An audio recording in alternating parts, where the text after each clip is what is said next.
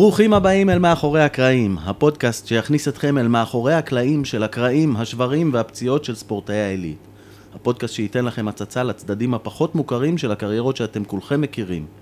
הרגעים הכואבים, המלחיצים והמרגשים שלפעמים עיצבו אותם ועשו אותם למי שהם. אנחנו יותם פרי ונמרוד מלר, שני פיזיותרפיסטים שבאים מעולם הכדורגל בליגת העל ונבחרת ישראל, וכיום עובדים יחד בפיזיו פרו, הקליניקה הגדולה והמתקדמת בארץ לטיפול ושיקום ספורטאים מכל הסוגים והרמות. ננסה לחשוף בפניכם עולם שלם שמתרחש ברובו הרחק מעיני המצלמות ולתת לכם הצצה לעולם המרתק הזה שנקרא רפואת ספורט. אז בואו הצטרפו אלינו למסע המרגש הזה ובואו נכיר את האורח הבא שלנו. מסובב טוב, לפינה הרחוקה של הרחבה.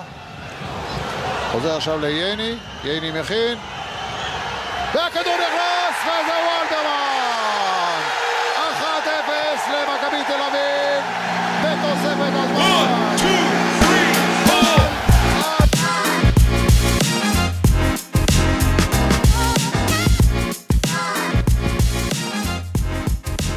ברוכים הבאים למאחורי הקרעים. אה, האורח הבא שלנו הוא אחד האנשים הכי מעניינים שהיו לנו, אה, וגם הכי אהובים. אה, הוא אחד השחקנים המותרים בכדורגל שלנו, הוא התחיל את דרכו במכבי פתח תקווה, משם נדד קצת לאירופה, חזרה קצרה לביתר ירושלים, את השיא שלו הוא עשה במכבי תל אביב, אני חושב שזה השיא שלו, אולי הוא הגדיר את זה אחרת, שם הוא הפך לסמל. את הפרישה הוא עשה במכבי חיפה, שם הוא מונה לעוזר מאמן. סקאוט ולימים גם המנהל הספורטיבי של המועדון. אה, אנשים אה, לא יודעים את זה, אבל הוא אחד האנשים הכי מצחיקים. אתם מכירים את החבר השקט הזה שיושב בצד ולא אומר כלום, ואז פתאום הוא זורק איזה הערה לאוויר, וזה שופך את כולם, אז אה, זה שולי. ושולי זה הכינוי שלו, והוא יספר לנו למה קוראים לו שולי. אז ברוכים הבאים לגל אלברמן. ברוך הבא. תודה רבה, ברוכים הנמצאים. שלום. כיף להיות פה. אתם יודעים, כל כך הרבה שנים של... אה, סוג של שותפות. אה, שותפות גורל. בגוף שלי, בנפש שלי. כן. כן, זה כיף להיות כאן וגם להיזכר קצת בעבר וגם אה, להיות חלק ממה שאתם עושים בהווה. כן, ואתה ראית אותי בחיתולים ממש. עוד, ונראה, לדעתי בתור סטודנט אה, כן, הייתי... התחלנו את הקריירה די במקביל, אני לדעתי קצת לפניך כמקצוען, כמובן כשחקן קבוצה בוגרת. שאתה הצטרפת לדעתי שנה, שנתיים אחריי. מקצוען מעולם לא הייתי. אני, אני הייתי מקצוען מבינינו כנראה. כן. רגע, היית כבר בבוגרים, אבל כן? כן. היית בזה, נכון? היית, לדעתי היית בת, בטנריף. הייתי, לדעתי, במכבי פתח תקווה, לפני שנסעתי, כן. כן. זה היה במאוחד ספורט, היית מטופל אצל אירן ליפשיץ. נכון. פיזיותרפיסט שלימים גם היה של בית"ר ירושלים, ואחר נכון. כך של נבחרת ישראל. כן. והיום הוא עושה חיל ב... בדרך עצמאית. מה היה הדיבור על נמרוד אז? הם היו צמד, אני זוכר אותם כנער צעיר, הייתי בן 19 לדעתי, 19 או 20. שני חבר'ה מגניבים, אחד נראה קצת פרוע, הוא יושב לידי, השני קצת פחות. אה, רובי, אני לא זוכר, לך היה שיער פרוע. אני לא זוכר אם רובי היה עם שיער או לא, אבל אה, היה אחד יותר מתון והשני קצת יותר אה, פרוע. עם מגעיל, בחור נאה, השני קצת פחות. קצת פחות יפה. היו מסנג'רים אותנו שם, אז כן. כל זה תעשה... אבל היה כיף, אני חושב שלא יצא לכם, לא לך ולא לרובי לטפל בי, אבל היינו, הייתם סקרנים, אני זוכר שדיברנו, והייתם סקרנים לגבי כל מיני דברים שאני... עושה הייתם, אני זוכר שהייתם ממש לקראת כניסה לעולם הכדורגל בזמנו, זה מאוד מאוד סקרן אתכם. גם אני למעשה עשיתי את הצעדים הראשונים שלי, אז אני זוכר משם כמה, דווקא כמה, כמה רגעים שכן אה, אה, חלקנו יחד. הצלחתי לגלגל את הבלוף ולא לגלות שאני לא מבין כלום בכדורגל ולא יודע מי, לא יודע מי אתה ומי אף אחד. עד היום אתה לא מבין בכדורגל. לא, לא. לא, לדעתי ידעת מי אני. כן, כן, כן, בטח. אבל, אה, אבל כן, בהתחלה לא, הכר, לא ידעתי כדורגל כלום, לא הכרתי... הכרתי רק את אה, אלי דריקס, זה היה, זה היה השחקן האחרון שהכרתי כן, אותו. כן, אבל זה היה מפגשים, כאילו היינו נפגשים על בסיס שבועי, כן. ואני חושב שיצא לנו קצת לדבר, אני גם זוכר שהיית סקרן. כן. תגיד, מקור השם שולי? וואו, זה, זה, זה באמת ללכת המון המון זמן אחורה, לדעתי, השנה הראשונה שהגעתי למכבי תל אביב ב-2010, אני חושב שזה היה, יצא בזמנו מערכון של הישראלים, אה, של אה, מה קשור, אה, שהם מחפשים את שולי, וקלמי סבן, שהיה באמת חבר הקבוצה, מצחיק, אה, הגיע לאימון, וכל מי שיש לו שורשים תימניים, ואני ידוע כאחד כזה, אה, קיבל את השם שולי, וכל האימון היה שולי, שולי, שולי, היינו אני, רועי קהת, ברק יצחקי, היינו... היינו. מעליית, מעליית תימן, ואיכשהו איכשהו זה נדבק בי הדבר הזה, ונמשך הרבה מאוד שנים. זה קיבל אה, תפנית מסוימת בנקודת זמן כלשהי, שזה הפך להיות שאול, כי כבר התבגרתי קצת, והפכתי שם בוגר יותר שם. הפכתי להיות הדוד הזקן הזה, אז חיפשו לי איזה שם כזה שהוא קצת יותר רציני. הפכתי להיות שאול, אבל מאז כל היסטוריה כבר. אשכרה, לפני, לפני שבוע נראה לי דיברנו על זה, מי, מי המציא את השם הזה, מי זה, אמרנו אולי מיכה, אולי מוח. טל בן חיים. אולי... לא, שכחתי, זה שכחתי. ישן, ישן, ישן. איזה גאון. וואו, אתה עוד. בקשר איתו? עם מי? עם קלמי. כן, מדי פעם. וואו, איזה איש מצחיק. אנחנו... אנחנו נפגשים לפעמים, כן, לא, לא בתדירות מאוד גבוהה, אבל יצא לנו להיפגש מדי פעם. כן. טוב, גל, אנחנו, אנחנו, רגע, אני, אני, אני, יש לי גם עוד שאלה כזה שהיא לא קשורה לנושא והכל, אבל שמעניינת אותי. שאלת המציל או... לא, כשאתה אתה הרי מסתובב בחו"ל, נוסע על איזה, כמה, כמה אה, קורה שמתבלבלים, חושבים שאתה, חושבים שאתה פפ. האמת ששואלים אותי, לא, לא לעיתים תקופות מדי, בכנות אני חייב לומר שיש משהו ב, ב, ב, בדמות, בתווים הכוללים, אבל אני חושב שאם מתעמקים בתווי הפנים, אה, אני לא משוכנע שאנחנו מאוד דומים. אה, אני, אני דווקא כל. הזמן, אני גם, אני חושב ממש, שתי טיפות מים. ממש. אה. בקיצור, אה, גל, אנחנו אה, זימנו אותך לפה במטרה באמת אה, להפיק ממך את המיטב בקטע של, אה, של הקריירה שלך אה, כשחקן ו, וההיסטוריה של הפציעות. יש לך פציעות מאוד מאוד מאוד מעניינות, ואני חושב שחבר'ה צעירים וגם מאמנים וגם אה, אנשי מקצוע יכולים להפיק המון המון המון ממה שאתה תספר לנו עוד רגע, וגם מההתנהלות שלך. אה, ואת החלק של המנהל המקצועי אנחנו נשאיר לאחר כך אולי קצת יותר בהיבט של, אה, של איך שחקן ומנהל מקצועי מנהלים מערכת יחסים כזו או אחרת על החזרה לשחק, על ה... לא יודע. בכלל על הרקע, על הצד, את כל האספקט הרפואי של כן. ניהול מקצועי של קבוצה, מועדון, מועדון מוביל. אה, אני אני רוצה להגיד. שהשם השם שלך גם עולה, הוא עלה גם פה ואצלי, הוא עולה המון, תמיד בהקשר של... אה, אה, כש, כשאני אומר, כשאני רוצה לתאר איך, איך הייתי, איך השחקן האידיאלי מבחינתי כפיזיותרפי של קבוצה, אז תמיד אתה הדוגמה בשבילי. כבעצם שחקן שאני יודע שכשהוא בא אליי ומבקש ממני עזרה, אני יודע שזה כבר, הוא עשה את כל תהליך הסינון ואת כל התהליך של, ואז אתה היית בא ואומר לי, תשמע, יש לי את הכאב הזה, אבל אני יודע שהוא לא מסוכן לי, הוא לא בעייתי, אבל הכאב הזה אני צריך שפה, פה יש משהו שאני צריך שתבדוק אותי ותטפל. ו, ותמיד רציתי שכל השחקנים שלי, אם הייתי יכול שכל השחקנים יהיו גל אלברמן, אז, אז, וזה דבר שאני תמיד אומר. כן, אני רק אגע בזה בקטנה, אני חושב שזה איזושהי מערכת יחסים שהתפתחה לי עם, עם הגוף של עצמי, וידעתי גם לאורך כל הקריירה לטפל בו בצורה עצמאית, ולא לראות בפיזיותרפיסט המושיע שלי, או, ה, או הדמות שאני מגלה בו, מגלה בו תלות אה, בלתי רצויה, או לא בדיוק הגיונית. הוא שם כדי לבוא ול- ולתת לי באמת פתרון למשהו שאני יודע שאני לא מסוגל אה, לקיים בעצמי. וזאת הסיבה היחידה, שוב, זה גם משהו שהתפתח, זה לא משהו שנולדתי איתו. כן, כן, אולי... אולי... איך, איך הבנת אבל כאילו, מה זה כאב שאתה יכול אה, לגרור אותו, ומה זה כאב ש... תשמע, בסופו של דבר אני חושב שפגשתי את נמרוד, לדעתי, שהייתי כבר בן 27 או 8, אחרי חמישה ניתוחים, אחרי תקופות אה, מאוד מאוד ארוכות שסחבתי פציעות, והגוף שלי כבר חווה דבר או שניים. אה, ידעתי גם לטפל בו בצורה, בצורה עצמאית. לא, לא כאן, אני לא כאן כדי לשבח את עצמי, אבל בגיל מאוד צעיר אני הבנתי שברגע שאתה נפצע או שאתה פצוע, האחריות שלך קודם כל היא לדעת לטפל בעצמך. החזקתי בזמנו מכשיר קומפקס, אני לא יודע אם אתה זוכר, אה, עצמאית בבית, שכאילו לא הייתי מחכה להגיע למתחם אימונים כדי לטפל בעצמי. היה לי גליל בבית, היה לי קומפקס בבית, היה לי גומיות בבית, היה לי כל מה שצריך. יכול להיות שהיום זה משהו שהוא טריוויאלי כבר אצל כדורגלן, אבל אני חושב נכון. שעשור אחורה, או אפילו 20 שנה אחורה, זה כבר אה, תקופות זמן שהן... אה, לא היה, לא היה, הן די, לא די היה להם. ואני חושב שהיום אולי יש קצת יותר חבר'ה כן. שהולכים לכיוון הזה. בטח, בטח, היום יש אנשים, אה, קליניקה שלמה בבית. אבל אה, אתה נגעת פה בנקודה שבעיניי היא נורא חשובה. זאת לא שאלה פה, אני רק רוצה למי שמקשיב, שחקנים צעירים, יש את העניין הזה של לקיחת אחריות על עצמך ועל מצבך, שהיא היא סופר קריטית. אנשים נוטים, כשיש להם מטפל צמוד, אה, לא, לא לשאול, בכלל לא לשאול שאלות, אלא ישר כל דבר, כל כאב הכי קטן, לבוא למטפל, לבקש ממנו, בוא תתקן אותי, בוא תפתור את הבעיה, ולא לומדים על עצמם, עם עצמם שום דבר, וזה דבר נורא נורא נורא חשוב.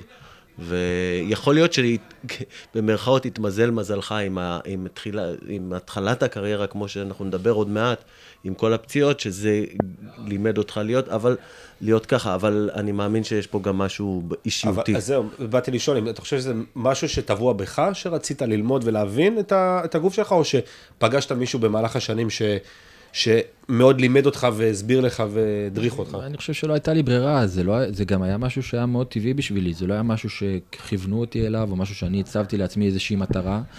פשוט הקריירה שלי לקחה אותי להתמודדויות עם הגוף שלי בגיל, בגיל מאוד צעיר, עם בעיות כאלה ואחרות שנוצרו ונפתרו או לא נפתרו, ולקחתי בחשבון שאם אני רוצה להאריך את הקריירה שלי ולהפיק ממנה את המקסימום, אז אני והגוף שלי צריכים להיות חברים טובים, אני צריך לקבל גם את המגרעות בו, לדעת ל- לתחזק אותו, לטפל בו כמו שצריך, ולהיעזר כמובן בכל המסביב, אה, במידת, ה, במידת ההיגיון. לא סלדתי משחקנים כאלה שכל היום באים ונמצאים על המיטת טיפולים, הערכתי אותם בדיוק אה, באותה מידה כמו שהערכתי כאלה שלא מתקרבים לשם, אבל אני איפשהו מצאתי את, ה, את, ה, את הדרך הנכונה, את המתכון לטפל בגוף שלי כמו שצריך, ולווסת את, את, את, את העזרה שאני מקבל, ישר ושזה לא היה במטרה מה- כדי לעשות לך חיים קלים. כן, לא, בסדר, נכון, אבל אה, ישר מעניינת אותי שאלה, אני לא יודע אם זה, זה הזמן הנכון, אבל אה, כמה טעו, איזה טעויות אתה זוכר, זאת אומרת, שעשית ב, בשיקול דעת בדרך. זה סיטואציות שדחפת את עצמך יותר מדי ואמרת, הופה, פה, פה זאת הייתה טעות עכשיו, ו... ו... אני, קשה לי להגדיר משהו כזה שהיה ספציפי, אני יכול להגדיר אותו אתה כטוב. יודע, אני מתאר, מדמיין מצב של איזשהו כאב שאמרת לעצמך, טוב, זה כאב שנראה לי שהוא בסדר, הלכת, שיחקת משחק, ובום, זה נהיה פציעה, לא קרה לי, לא. לא זוכר כזה דבר. לא. טוב, אז בואו ניקח אותך אולי קצת אחורה, היסטורית, אה, פחות אה, תחנות בקריירה, אולי באמת נתחיל מה... מכל התיק הזה שאתה סוחב, מה שדיברנו עליו קצת. אה, לא, אם אתם לוקחים אותי להתחלה של ההתחלה, אתם יודעים, האישיות שלי נבנתה וגם אה, אה, אה, התפתחה. בסופו של דבר, כי, כי נולדתי וגדלתי בבית של ספורטאים. אבא שלי היה קפטן נבחרת ישראל בכדוריד, שני ההורים שלי הם מורים לחינוך גופני. אה, עוד כילד עסקתי בהרבה מקצועות ספורט, שיחקתי כדורסל, כדורגל, ג'ודו, עד שלאט לאט הימים בשבוע התחילו להצטמצם והייתי צריך לוותר לאט לאט על ענפים אחרים. אה, בסופו של דבר, ככה איפשהו אני מרגיש בתוך תוכי שנולדתי להיות ספורטאי, בין אם תחרותי או הישגי, כזה או אחר. היה לי מאוד ברור בגיל צעיר שספורט יהיה חלק מהחיים שלי, בין אם כמקצוען, או בין אם כאיש הוראה, או כ... לא יודע, כמאמן, לא משנה מה. הספורט למעשה היה טבוע בי, ולאורך הקריירה שלי הרבה פעמים הגדירו אותי כספורטאי, וזה נכון, כי, כי נולדתי כזה, ואני מניח שגם אמות ככזה, ובגיל מאוד צעיר אהבתי מאוד להתחרות, ידעתי, ידעתי להתחרות, ידעתי לנצח, ידעתי להפסיד, ידעתי להיפצע, ידעתי לעשות את הכל ולקחת את הכל בפרופורציות נכונות, וזה מאוד מאוד הקל עליי אה, לאורך הקריירה להתמודד גם עם משברים, גם עם דברים פחות נעימים, וגם לדעת לקבל את ההצלחות ולחבק אותם, ולעשות הכל במינון הנכון. מגניב. אז בוא, נלך אה, אולי כרונולוגית אה, פציעות כזה. ב- נגיד במחלקת נוער, היו איזה שהם אה, פציעות אה, שאתה זוכר, משהו ספציפי? לא, אני חושב שהייתי בסך הכל, הדבר היחידי שאולי אני יכול לגעת בו זה מערכת חיסונית קצת חלשה, הייתי כמעט בכל חורף עם דלקת ריאות, או עם מחלת הנשיקה, או איזה משהו שתמיד הייתי צריך להתמודד איתו והיה תוקע אותי בעיקר בחודשי החורף. אה, אני, אני, עד גיל 16 או 15, לדעתי זה קרה כמעט בכל שנה, אז וואו, מלבד מעניין. זאת, לא זוכר משהו ש...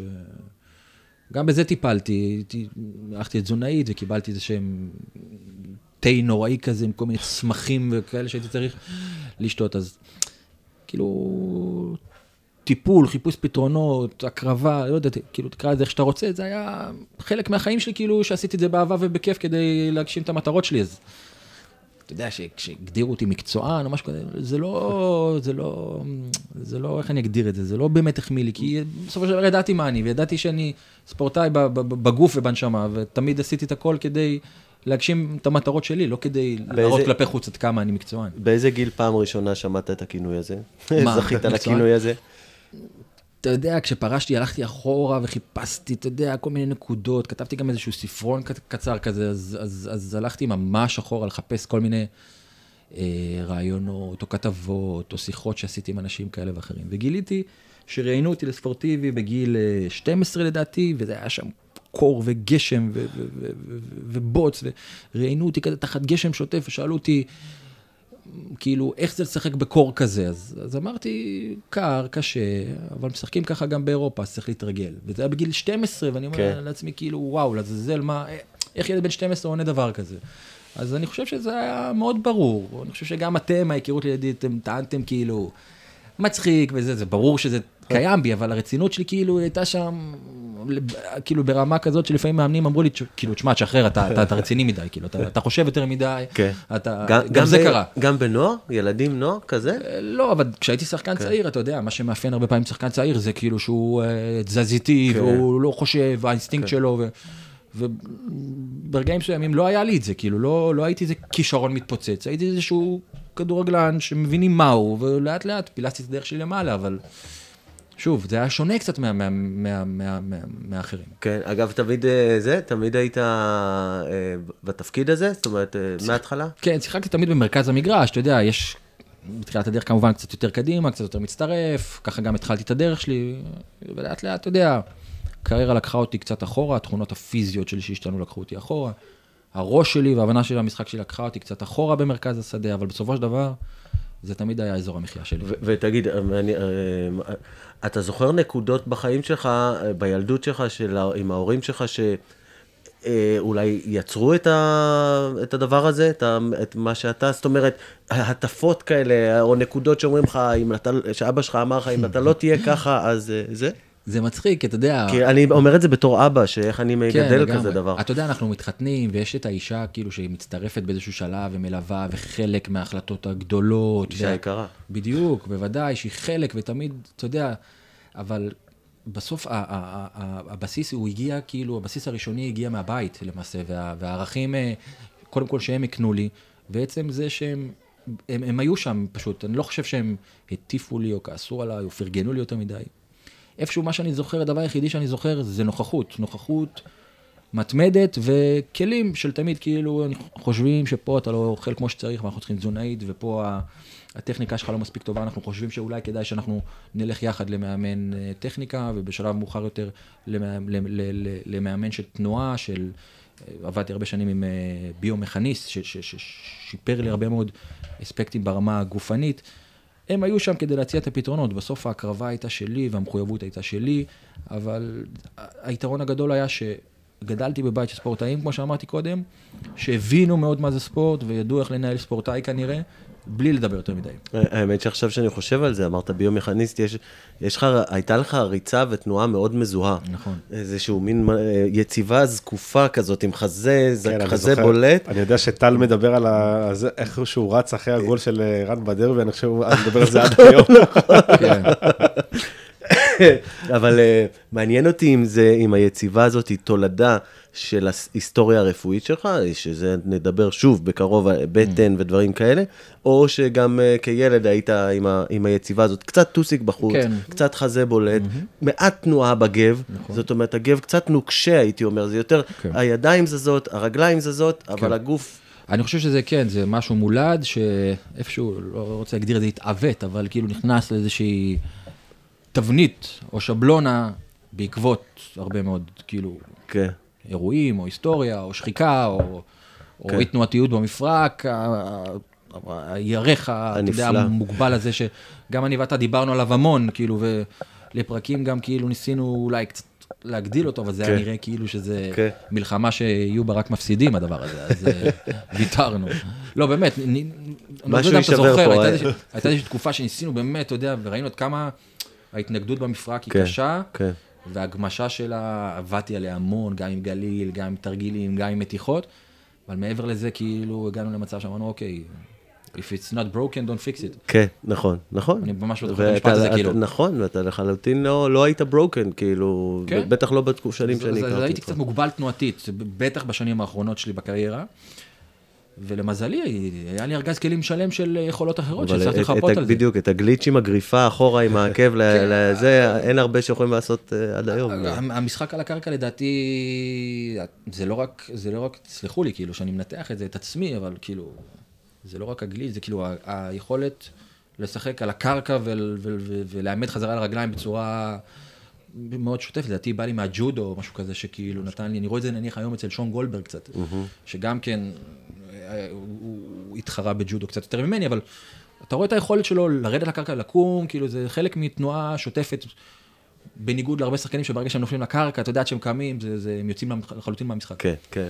אני, אני אגב סיפרתי פה פ- לפני כמה פרקים על העניין הזה של אה, אה, איך בויטסה, כשהייתי אצל אלי דסה, אז ראיתי ב- במחלקת נוער שם, יש שם אה, פשוט אה, קולב עם מלא חליפות ג'ודו של ילדים, כאילו שהם כנראה כולם שם עושים אימוני, סוג של אימוני ג'ודו.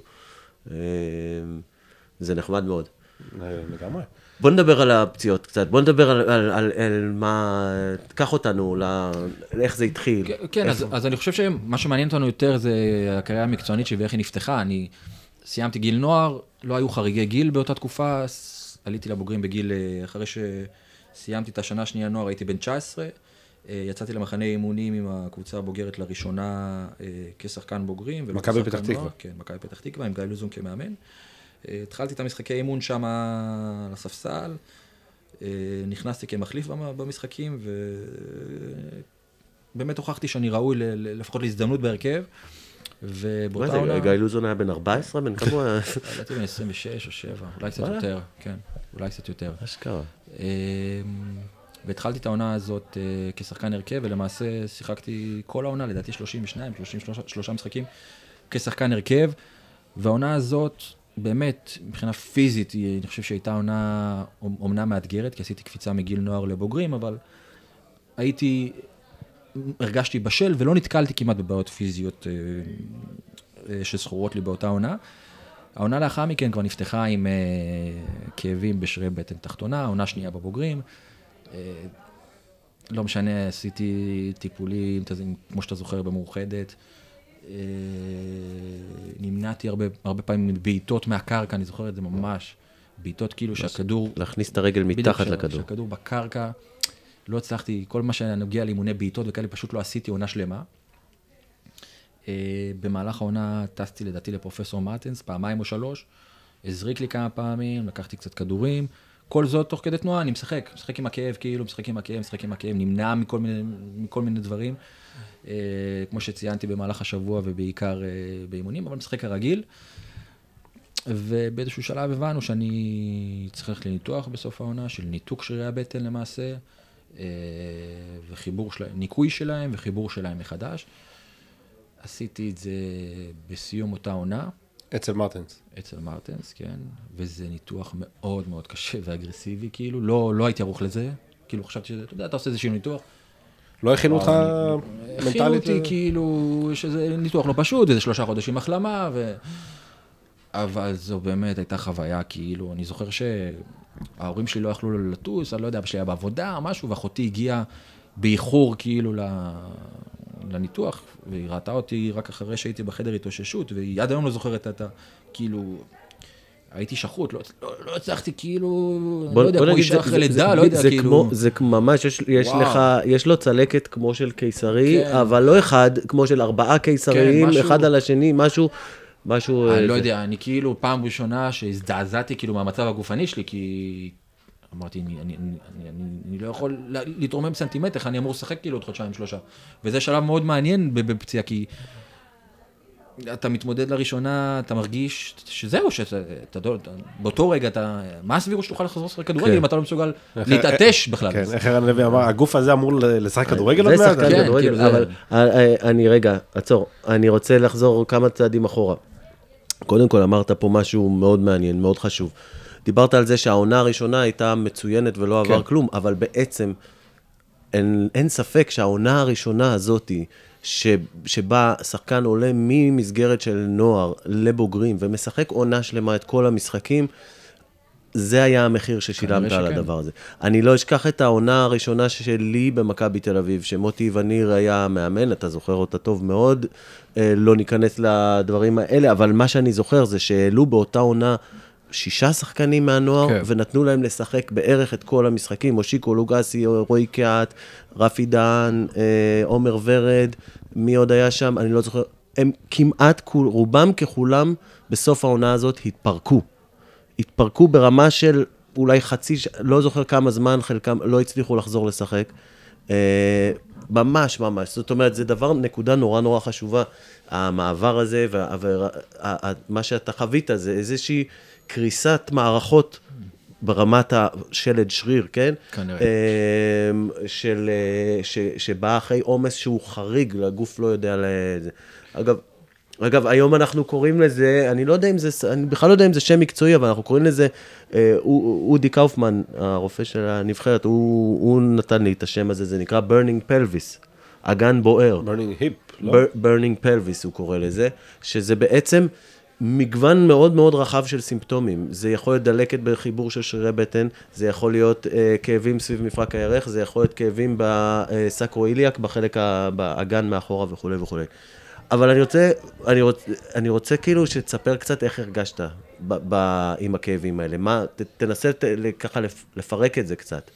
ב- אני הרגשתי שבצעד הראשון, כאילו יש לי כמו מישהו שעומד שם עם פטיש ומסמר, וכשאני עושה צעד ראשון חזק, בום, אני, הוא דוקר אותי, דוקר אותי בעוצמה, כן? וכשאני מכניס את הרגל, כשהכדור היה קופץ, כאילו, נניח עכשיו, המאמן צועק לי, תביא את הכדור, כאילו לא הייתי יכול לבעוט לו את הכדור, הייתי צריך להרים אותו ביד ולבעוט לו אותו. אז פשוט הכאב לא היה מופיע. הכאב היה מאוד מאוד ספציפי, בפעולות מאוד מאוד ספציפיות, שאיכשהו כדורים ואנרגיות של משחק הצליחו, הצליחו להעלים, אוקיי? ו... וזה כאב על העצם, על כאילו העצם, למטה. כן. ממש על העצם. על- איך היית קם יום אחרי משחק נגיד של כאבים האלה? לא טוב. היית צריך נגיד להסתובב על הבטן ו- כן. ומה שנקרא, כאילו לקום. כן.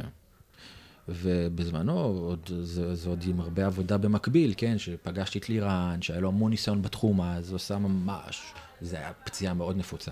אני לא זוכר, אתה יודע, אני לא רוצה כאילו ללכת לאינ, כאילו, למקום אינטימי, אבל היינו מתקלחים כאילו בחדר הלבשה.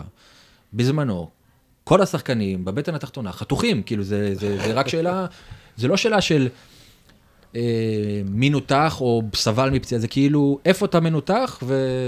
והאם זה בקע זו תקופה שוואו, זה היה מטורף. כל השחקנים היו עם כאבים בשרי בטן. כן. אני, לא יודע אם אתם מכירים את התקופה הזאת. אני, אני, פ, פחות, זאת אומרת, אנחנו מכירים תקופה כזאת במועדונים מסוימים, נגיד את זה ככה. כן, אני אה, מדבר ש- על סוף שנות ה-90, כן? כן, אז זהו, אז אה, אני יכול להגיד לך שאצלנו, אה, בזמנו, במכבי ובכלל, אנחנו ממש נלחמנו בקטע הזה של לשלוח, ל... לשלוח לניתוחים, כי א', כי האמנו שזה דבר שניתן...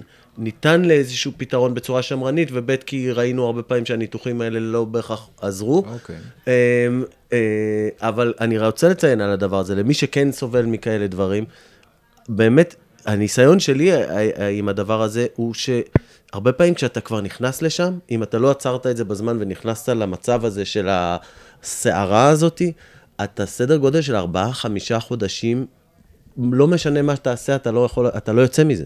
זה, זה בערך ה...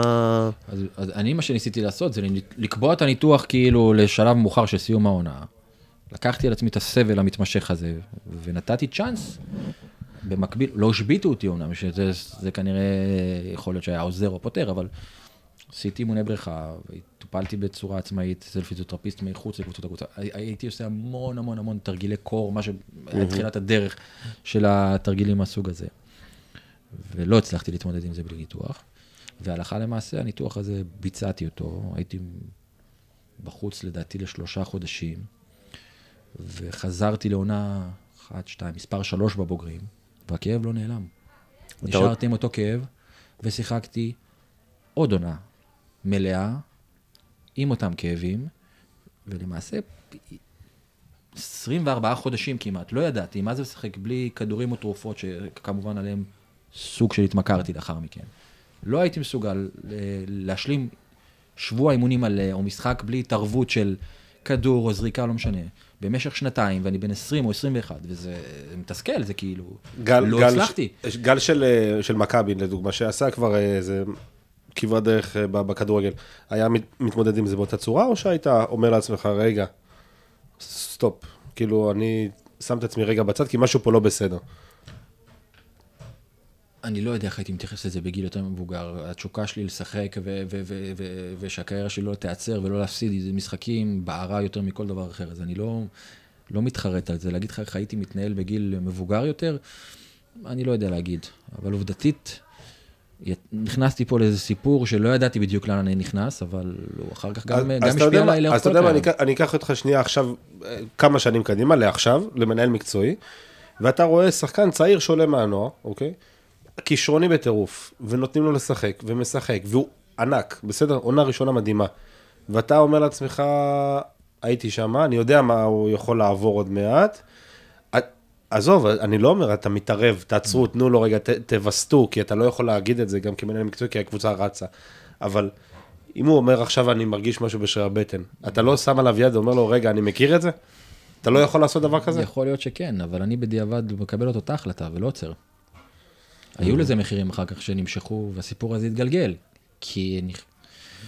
אחרי ששיחקתי שנתיים כאבים, ואחרי שעברתי שני ניתוחים, אחרי שכבר חזרתי לעצמי, אה, חזרתי, לדעתי, אחרי הניתוח השני, עברתי לשחק בדיוק בטנריפה, בספרד. וגם שם הסיפור הזה נגרר, עם כאבים בהתחלה, שלאט לאט פגו ונעלמו. בינואר, 2000 ו... בינואר 2006, הייתי כבר בן 22, 22 וחצי, חתמתי בביתר ירושלים, והכאבים בבטן עברו לגב.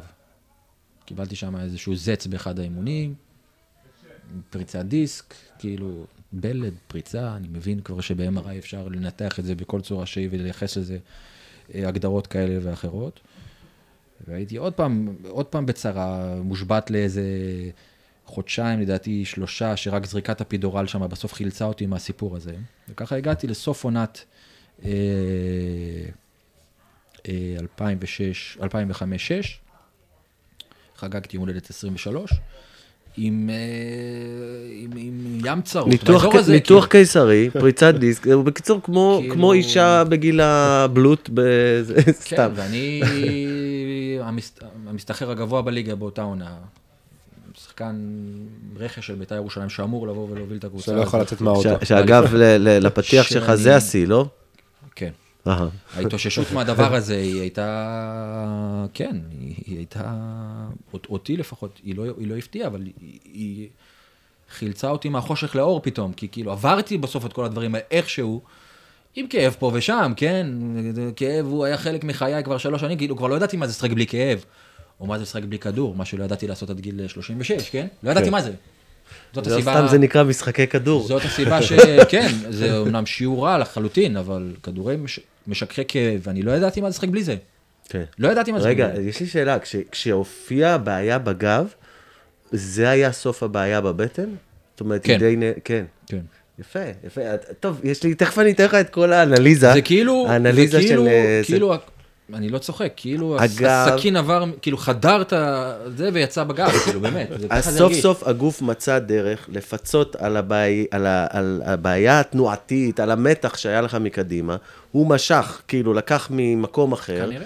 ופתר את הבעיה בבטן, אבל מי ששילם את המחיר זה הגב. יפה. הנה, אותם עושה לי פרצופים. כי הוא- משם- כי אני יודע לאן אתה הולך. לא אבל- יכול להיות. אה, תכף אני אתן לך, אז אתה- שנייה. אתה רוצה... ש... אז משם יצאתי, כמו שתיארתי את זה מחושך לאור, עשיתי שנתיים באמת נהדרות ב- ב- בבית"ר ירושלים, הייתי באותה עונה שחקן העונה, ולשאלתך או להצהרתך קודם, זה היה השיא שלי בקריירה.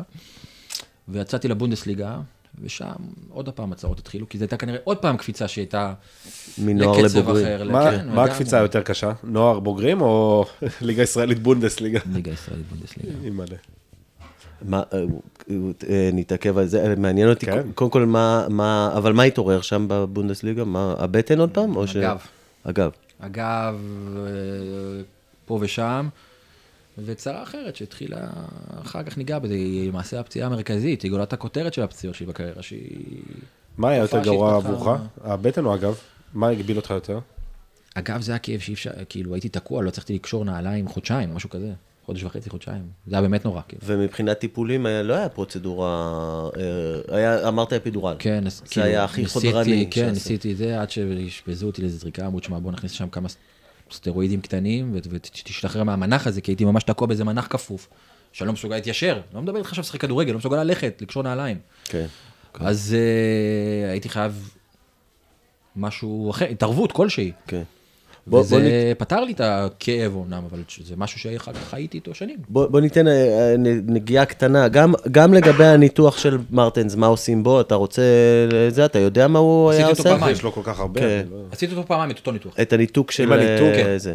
כן, בעיקרון, ה- ה- אם אני זוכר נכון, ואני, אתה יודע, אל תתפסו אותי פה על הזה, אבל השרירי בטן, השרירי בטן, מה שנקרא, אלה שבהם הקוביות, השריר הישר, הארוך, הבטני, אה, הוא מתחבר אה, בחלק התחתון לפיוביס, לעצם של העצם שנמצאת לנו מעל אברי המין, אה, ובדרך כלל השרירים לא מתחברים לחלק העליון של העצם, הם מתחברים קצת מתחת אה, לחלק אה, טיפה יותר עמוק, לשם הם מתחברים, ואז מה שהוא היה עושה, הוא היה מנתק ומחבר אותם לחלק העליון, תופר אותם, או אם אני לא טועה, משהו סיכות, כזה. לדעתי. עם, עם סיכות, מש, משדך אותם אל, ממש אל החלק העליון.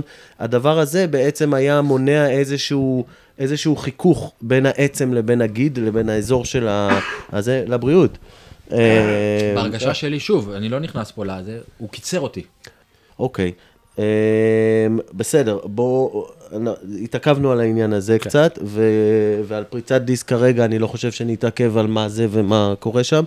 אמ, ללא ספק, ככל הנראה, מה, ש, מה שבהחלט יכול להיות שקרה, זה בעקבות הכאבים וה, והשינויים שהגוף עבר כ, מהפציעה של הבטן, מי ששילם את המחיר זה, זה הגב התחתון. אני משוכנע לגבי זה. אני בסוף אתן לך אה, איזה אה, ניתוח, אה, אנליזה של אה, מה גרם למה, יש לי גם מה גרם לבטן, תדע לך. אחר כך אתה תופתע. אה, יפה. בוא נדבר על ה... גולת בוא הכותרת. בוא נתקדם ל... ל... וואו, אז עברתי לשחק בגרמניה, כמו שציינתי, סבלתי לדעתי קצת מהגב בתחילת העונה. הקצבים באמת היו, כאילו, שוב, דיברנו על זה, נוער לבוגרים, כן, אפילו פער גדול יותר. אה, שיחקתי בחצי עונה בבונדסליגה הראשונה, בקבוצה שעלתה בדיוק ליגה. אה, מה זה, ורדה ברמן? לא ורדה ברמן. ברוסיה מינצ'ה גלדבך. שיחקתי עד ינואר 16 משחקים, אני חושב שכמעט את כולם בהרכב אפילו שיחקתי. אה, בעונה הראשונה. אה, הגענו לינואר, אני זוכר, והייתי בחופשה בארץ. חזרתי מחופשה בארץ, ישר לאימוני, הרי הבונדסליגה למעשה עוצרת בחורף, יש חצי עונה של קיץ וחצי עונה שנמשכת לאחר פגרת, אה, פגרת החורף. וממש לפני יציאה למחנה אימונים בלס פלמאס, עברנו, היה קור באמת לא נורמלי, שבוע אימונים אה, אה, בגרמניה. התאמנו במינוס 15 מעלות, אני לא אשכח, במגרשים קפואים לחלוטין, ומגרשים סינתטיים גם, כי, כי, כי פשוט התנאי אה, עבודה לא אפשרו. משהו אחר. אני זוכר באותה עונה היה לי הסכם, במשך כמעט כל הקריירה, הסכם עם חברת אדידס, שהיא יצרנית של נעליים, שסיפקו לי אה, בצורה אה, שוטפת. ואני זוכר שהייתה איזושהי החלפה של דגם, של נעל, שפתאום יצא איזשהו דגם קצת יותר חדש, קצת יותר מודרני, שלחו לי אותו, אני זוכר, מהמפעל, ב, ב, ב, מהמפעל בגרמניה, עם השם שלי ועם הדגל של מדינת ישראל, ואני כחסר סבלנות לא חיכיתי לטיימינג המתאים, והתחלתי לנעול את הנעליים דווקא בטיימינג הלא כל כך מחמיא הזה, בקור הזה ובמשטחים האלה, ומתברר שהדגם של הנעל הספציפית הזאת היה קצת קטן יותר מה, מהדגם הקודם. הרגשתי שהנעל טיפה לוחצת. אתה אומר לעצמך, בסדר, אימון שניים, היא תתרחב, יהיה בסדר. אני זוכר ממש את האימון שזה היה, כאילו, אני פתאום תוך כדי אימון מתחיל להרגיש איזשהו כאב ב- ב- בעקב שהוא ממש, כאילו, אני לא יכול לרוץ. בעקב אחד? בעקב ימין, כן. ואמרתי לעצמי, אוקיי, בואו נסיים את האימון הזה, לא היה לי שם עוד נעליים, אתה יודע, אימון, נעביר אותה, ויהיה בסדר. מחר אני לא אנעל את הנעליים, אתקשר אליהם, אני אגיד להם שיביאו לי חצי מידה יותר, או מידה יותר, ונשחרר את הסיפור הזה. אבל הסיפור הזה לא, לא בדיוק השתחרר, וירדתי מהאימון, למחרת היה משחק אימון לדעתי נגד ברוסיה דורטמונד, אם אני לא טועה. אה, גם כן בקור לא נורמלי. אני זוכר שפתחתי את המשחק הזה על הספסל, נשלחתי להתחמם, וואו, ואני בצליעה מטורפת, אני לא, לא יכול להיכנס למשחק. איכשהו נכנסתי, העברתי איזה 20 דקות ממש, כאילו, בגלל שזה משחק אימון, הרשיתי לעצמי, נגדיר את זה להתבזות, אבל כאילו, לא, לא באמת הייתי כשיר לשחק את המשחק הזה. והסיפור הזה, לא הצלחתי לצאת ממנו. הוא גרר אותי ל, לניתוח למעשה, לארטוסקופיה, שעשיתי בגרמניה, בהיידלברג, אה, שלמעשה נכנסו עם מצלמה, די כרתו חתיכה מה, מהעקב, אני לא יודע אם זה בדיוק מהעצם או עם החיבור עם מהגיד, התופעה הזאת לדעתי נקראת הגלונד, אני לא יודע- הגלונד. לא יודע אם היא מאוד נפוצה, אבל... זה אה, סוג של דורבן אחורי, אפשר לקרוא לזה. וואו, זה, זה, זה כאב, באמת. זה, זה לא משנה, ניסיתי עם נעל רכה, עם כרית, ומידה 44, ניסית, ועקב ניסית לגזור את החלק האחורי? חתוך, מה הכל? שאתה רוצה ולא רוצה. כל מה שהיה מייצר לי מגע מינימלי בעקב, גרם לי לצליעה גסה. כלומר, לא הצלחתי אה, אה, לקיים אימונים רק עם זריקות אולי או משהו. שיחקתי לדעתי עוד חצי משחק, איזה מחצית נגד וולסבורג באותה עונה איפשהו באזור אפריל ככה. במאי נכנעתי, הלכתי לניתוח, ובניתוח הזה למעשה ארטוסקופיה, כרתו את, האגלון הזה, חזרתי עדיין עם כאבים, מסתבר שפגעו שם באיזשהו עצב, נכנסתי לעוד ניתוח. לאחר מכן היה לי איזשהו זיהום, זיהום בקרסול, אני לא יודע אם אתם פה יכולים אה, כאילו להעלות תמונות או דברים מהסוג הזה, אבל... יכולים. אה? יכולים, בטח. כאילו, סתם זה פשוט שמעו לי בטלפון, לא תכננתי להראות לכם את זה, אבל כאילו הקרסול שלי הגיע למצב שככה הוא נראה. פשוט, אה, כן, זה... ככה הרגע שהייתה נראית. כאילו... גל מראה לנו את התמונה שאנחנו נעלה בזה, אבל כן, כאילו זה... זה נראה לא טוב. וואו, ולמעשה... וואו. זה הלכתי- הזיהום. כן, היה זיהום שגרר אותי לניתוח נוסף, למעשה שלושה ניתוחים, ולסיכום, 17 חודשים, בלי לשחק כדורגל במשחק רשמי, אתה יודע, עם, אימון- עם שיקום, עם אימון פה ועם אימון שם. פרק זמן של, חודש, של 17 חודשים, שאני לא רץ על מגרש כדורגל פתוח, לא לא משחק כדורגל. כן. קודם כל בוא נדבר על ה Haglund בק- בקצרה. ה Haglund זה, אה, זה נקרא Haglund disease, או Haglund deformity. אה, בנקודת החיבור של גיד האכילס אל העקב, אה, בדרך כלל כתוצאה ממשיכות חוזרות וחוזרות והולכות וחוזרות, אה, יכול, ודלקות בנקודת חיבור, הרבה פעמים. יכול להיווצר עקב לחץ גם. אה, יכול להיווצר איזשהו שינוי במבנה של העצם, התעבות במבנה של העצם בחיבור של הגיד, או, או לצורך העניין הסתיידות של, אה, נכון, הסתיידות של החיבור אה, של הסיבים שמתחברים אל העצם, ו... ובעצם נה- נהיה שם איזשהו שינוי במ- במבנה הגרמי, במבנה של העצם בחיבור של הגיד, והדבר הזה אחר כך גם כשאם יש מגע חיצוני, או אם יש, אה, לצורך העניין פתאום עושים ריצות בעליות, אני לא יודע מה, דברים כאלה שמשנים פתאום את, ה, את הדרישת, את העומס על הגיד אכילס, הדבר הזה יכול לעורר בעיות וכאבים, ואחד הניתוחים שעושים זה נכנסים ואו שמנקים, אה, מגלחים וממש מגח, מגלפים את, ה, את העצם, או, או מנסים לנקות את החתיכה המסוידת או משהו כזה.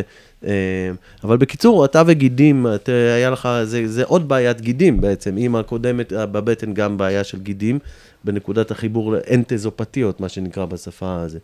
אה, אז גם פה, זה, וגידים הם באמת אחד הדברים שמגיבים הכי, הראשונים לשינויים חריגים בעומס. כן. אז משם, למעשה, אחרי 17 חודשים אה, בלי לשחק כדורגל, הייתי עדיין עם חוזה בברוסיה מינצ'גלדבך, היו, היו, היו למעשה התעניינות מכמה מועדונים בנוגע לחזרה לארץ, כי באירופה, ככל שאתה לא משחק, בטח כרכש, כישראלי, אתה מבין ש-17 חודשים בלי לשחק, זה לא בדיוק פותח לך יותר מדי חלונות ואופציות. אה, היה עניין לדעתי ממכבי חיפה בזמנו, שמאוד הלחיץ אותם הסיפור הזה של 17 חודשים ושלושה ניתוחים, אנחנו מכירים את זה היום. לפני שאתה לוקח שחקן, אתה כביכול אה, אה, בודק את ההיסטוריה הרפואית שלו, וזה לא היסטוריה רפואית מאוד מאוד מחמיאה. אה, אני יכול לומר שהיה לי ביטוח אה, עצמאי שעשיתי בגרמניה, שהבטיח לי למעשה סכום כסף אה, מאוד גבוה אה, אם אני מכריז על פרישה שנגרמת מפציעה. אה, זה היה לדעתי מיליון יורו. אה, שקלתי בחיוב לאורך אה, פרק אה, זמן מאוד מאוד ארוך, האם להפעיל את הסעיף הזה ולקפל את העסק, או להמשיך אה, בכל זאת אה, להילחם ולחפש איזשהו אתגר חדש. מכבי תל אביב הייתה שם מאזור ינואר, אה, לקראת, לקראת סיום העונה, תוך כדי שאני למעשה עם אה, מושבת. ניסו להתקדם איתי כמה פעמים, וזה לא בדיוק, אה, לא בדיוק הלך, עוד ניתוח ועוד ניתוח עוד- ועוד ניתוח, וירדו מהסיפור הזה. ונכנסתי איפשהו למבוי סתום, שאני לקראת סוף אה, חלון העברות בחודש אה, ספטמבר.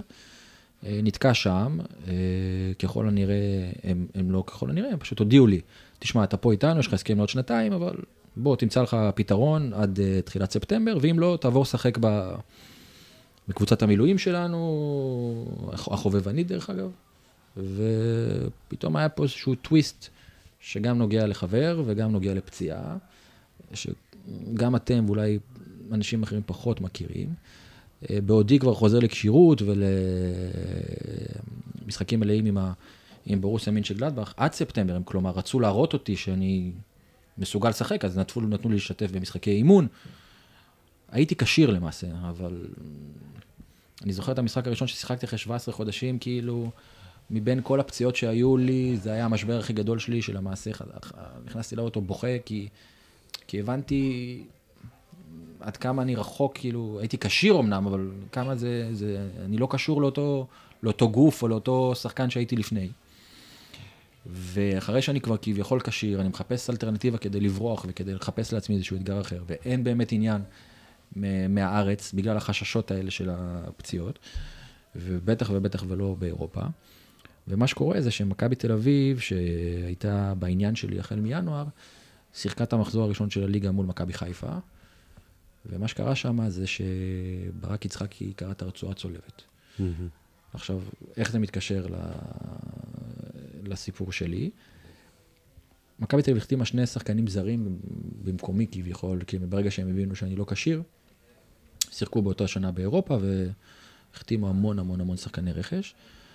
ואחרי שברק נפצע, הם הבינו שהם, אה, אין להם אופציה, הוא היה אולי הרכש הכי משמעותי באותו חלון, והם הבינו שהם הולכים לשנה קשה בלעדיו, ולא רצו לסכן את כל ההשקעה הגדולה שהם השקיעו בכל הפרויקט הזה, וחיפשו שחקן התקפה, ושחקן התקפה ישראלי בליגה לא, לא בדיוק היה. אז מה שהצריך אותם למעשה לוותר על קשר אחד זר במרכז השדה, החליטו שהם מביאים אותי במקומו, ומביאים חלוץ זר, בזמנו הם הביאו את דימיטר אנגלוב.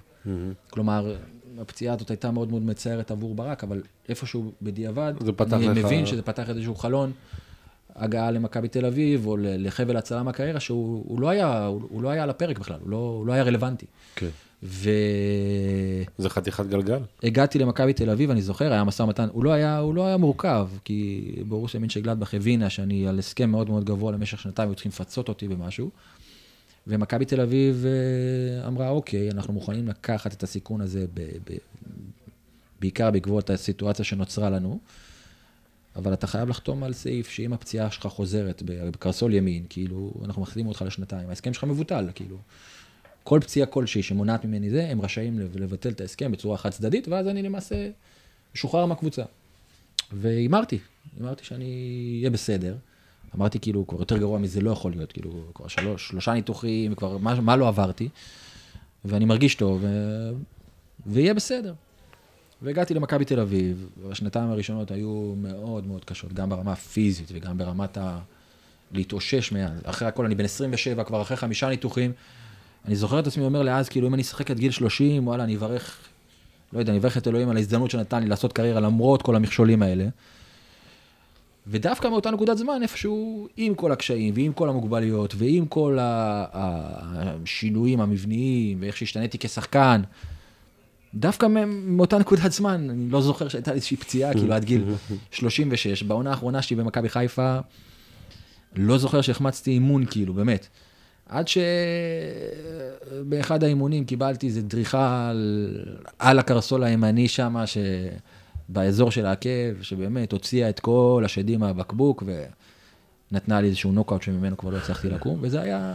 סופו של אה, עוף החול, שהצליח כל כך הרבה פעמים לשנות את הדמות שלו, וכמו פלסטלינה להתאים את עצמו לזה. אני מניח שבהינתן כל הנסיבות, עדיין הצלחתי לעשות קריירה שהיא היא מאוד אה, אה, עשירה ומפרגנת לי. וזה ואני אם אני מחשב את זה, היית משהו כמו שלוש שנים בחוץ מתוך הקריירה שלך. כן. שלוש שנים לא שיחקת כדורגל מתוך הקריירה שלך. ואני, אני, כאילו, אתה יודע, לפעמים, יש איזה, יש לי, לא, לא משנה שמות, אבל יש לי מטופלים, ואני גם מכיר סיפורים ש... אתה יודע, אנשים תופסים את עצמם אה, לפעמים, וואי, אני שנה בחוץ, וואי, אני חצי שנה בחוץ, וכאילו, הם, הם לא מצליחים להבין שהחצי שנה פה, השבעה חודשים פה, זה, זה, זה חלק מהקריירה, ואתה יודע, כש- כשאומרים גל אלברמן, לא, אף אחד לא מדבר על הפציעות. אומרים מאור בוזגלו, כולם חושבים, וואו, הוא נפצע נכון, המון. נכון, כולם נכון. חושבים, הוא נפצע המון, אין הוא לך שם פציע. של שחקן פציע לדעתי. אין לך שם של שחקן פציע. בטח לא ולא לא רק בשנים זה. אני אגיד לך גם אה, נטו, אם אתה מחשב את זה, גל היה יותר בחוץ ממאור בוזגלו. אוקיי, ואני אני, אני לא רוצה, אתה יודע מה, אני לא רוצה להתאבד על, ה, על המספרים האלה, אבל, אבל כשאתה חושב על זה, זה, זה לא פראייר בכלל, מה אני שנקרא. לא חושב, ש, לא חושב שהייתי, לא העניין של בחוץ, כמו ההתמודדויות עם פציעות נמתחות, נקרא לזה ככה. כאילו, כן, כאילו, כי כן. הפציעות היו פציעות מאוד מאוד נגררות, וגם דברים שהם מאוד מורכבים, זה לא היה...